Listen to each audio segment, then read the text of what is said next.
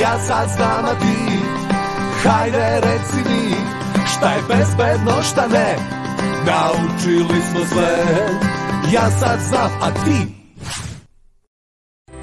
Svakodnevno učenje, čitanje ponekad mogu da nas zamore. Sigurno ste primetili da neko gradivo naučite lako, dok se sa nekim drugim učite i veoma vam je teško da ga zapamtite. Danas saznajemo kako možemo poboljšati veštinu fokusiranja i pamćenja. Jeste vi učili za kontrolni? Ja sam ju, uh, juče celu noć učio i sve definicije sam zaboravio zbog nekog razloga. Pa onda nisi naučio. Jesam, jesam, celu noć sam učio i sad sam zaboravio. Koji je bio rezultat u nedelju na utakmici? 70, 72. Naš su dali koš poslednju minutu. A to možeš lako da naučiš, u školu ne možeš. Jel si ti stvarno to učio? Jesam, jesam, ali mi se ne da nešto. Unaučio sam sve i zaboravio ovako. Šta mislite, da li postoje neke vežbe za pamćenje?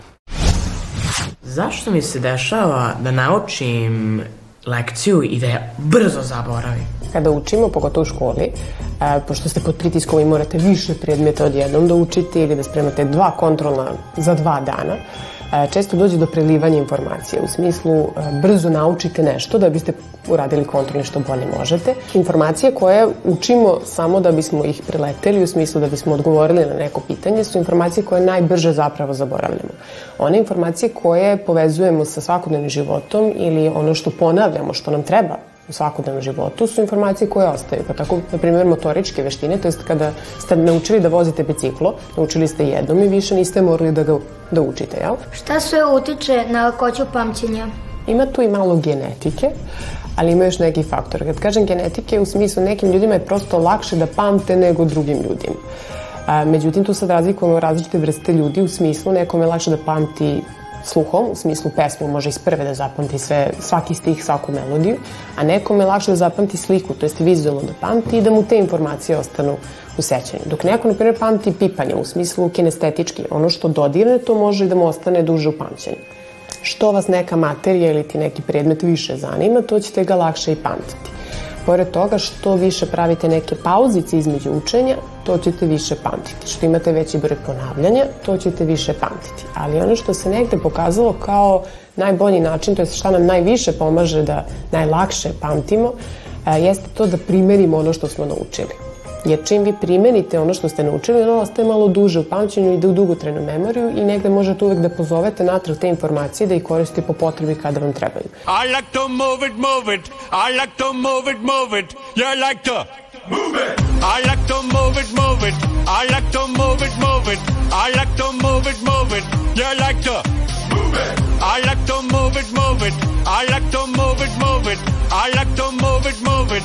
You like to Ako je gradivo veoma opširno, kako da ga zapamtimo sa lakoćom? Kada ste suočeni sa mnogo gradiva, ono što mi negde naj preporučujemo kao prvu stvar da uradite jeste da ga podelite u manje celine. I da to nekako budu smislene celine, ne da baš uzmete a, list papira i odokativno ubodete i kažete dovde ću da učim, nego da to bude, na primjer, jedan paragraf, jedan deo, jedna tematska jedinica koja je zapravo unutar tog većeg gradiva. Ono što još preporučujemo kod tih malo, da kažemo, većih obima gradiva, ako ste vizualni tip, ako pamtite slike, da sebi predstavite svaki paragraf, svaku poglavlje, svaku podtemu nekim simbolom.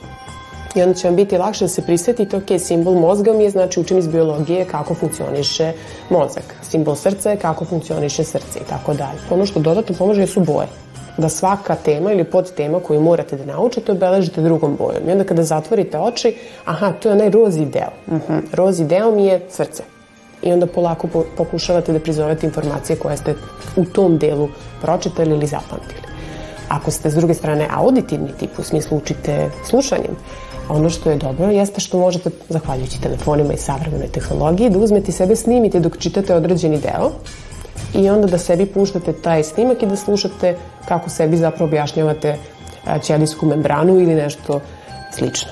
S treće strane, ako ste onaj taktilni tip kinestetički učite pipanjem, bilo bi super da imate, ako učite iz biologije čoveka, anatomiju čoveka, pa da pipate to srce, da bi vam bolje informacije ostale, to je da bi duže ostale u pamćenju. Da li postoji način da se poboljša pamćenje? Kao što vežbate mišiće, tako vežbate i mozak. E, pamćenje može da se vežba i ono što mi negde možda nismo ni svesni toga, mi ga vežbamo svaki dan kad nešto razmišljamo. Uglavnom se preporučuju vežbe e, na primjer da rešavate zakonetke, da rešavate sudoku, ne znam da li znate šta je sudoko, ono sa brojevima, da rešavate ukrštene reči, da se bavite nekim kreativnim zadacima koji će zahtevati od vas ne ono 1 plus 1 je 2, da bude tako jednostavno rešenje, nego da morate da promišljate, ok, ako ću da izvučem, na primjer, ovu figuricu da se ne sruši ceo toranj, aha, moram da pomerim pre toga neku drugu figuricu. Tako da sve te zapravo društvene igre, uh, igre po pitanju čak i video igre koje imaju taj moment traženja i održavanja pažnje su dobre za vežbanje pamćenja. Kada učite mnogo, kad ste onako iscrpljeni, preporuka jeste da napravite pauzu, prva pauza koja bi bila aktivna u smislu da prošetate, uradite koji čučanj, malo po kući prozujite, a drugo jeste da nađete prostor sebi da malo odspavate. Jer je jako bitno da mozak bude odmoran da bi mogu da prima nove informacije, da ih zadržava i da ih onda koristite po potrebi kada je to potrebno. Jel? Da li se problem pamćenja javlja i kod mladih ili je to samo za starije osobe? I sad ono što mi najčešće privećujemo jeste da malo starijim osobama i odraslim osobama bude teže da zapamte nešto nego mlađima. Međutim, svima nama se sigurno bar jednom desilo da se pitate gde je moj telefon? Gde sam ostavila telefon? Gde su ključevi? Tako da problem sa pamćenjem nije rezervisan samo za starije osobe, on jeste nešto što se dešava svima nama u zavisnosti opet od toga šta deluje, to šta utiče na naše pamćenje, ali jeste, postoji taj trend da sa starošću, to je kako, kako punite koju godinu, tako malo teže ide pamćenje. To ne znači da ćete izgubiti potpuno pamćenje, postoje bolesti i demencije koje su posebna kategorija po pitanju pamćenja, nego jednostavno će biti sve teže da primete gomilu novih informacija, s jedne strane, a s druge strane ćete mnogo bolje, na primjer, da koristite već ranije naučene neke informacije i znanja. Taj moment pamćenja, kažem, kompleksan proces, ima svoje malo periode uspona i padova. Vi ste srećom u divnom periodu kada je pamćenje na vrhuncu, ali kako vreme bude odmicalo, bit će malo teže pamtiti nove stvari, ali ćete moći da koristite one koje ste ranije naučili. Vežbe koje vam mogu pomoći za bolju memoriju su jednostavne i zabavne. Počnite od najjednostavnijih. Nađite razlike na slikama. Probajte da pamtite brojeve telefona ili napišete spisak za kupovinu. Nakon dva sata pokušajte da se setite šta je sve bilo na tom spisku. Rešavajte ukrštene reči, igrajte slagalice, asocijacije ili šah. Kompjuterske igrice zahtevaju pamćenje poteza. Vežbajte reflekse sa prijateljem ili članom porodice, jer što ste brži, to i mozak brže radi. Pričanje priča pomaže da se fokusiramo na važne detalje. Čitajte i ponavljajte pročitano naglas. Domaće zadatke uvek uradite u tačno određeno vreme i uvek na istom mestu. Količina informacija koje možemo zapamtiti veoma je važna za naš uspeh u školi, socijalne veštine, ali i za kvalitet našeg života uopšte. Ja sad znam, a ti, hajde reci mi, šta je bezbedno, šta ne, naučili smo sve. Ja sad znam, a ti,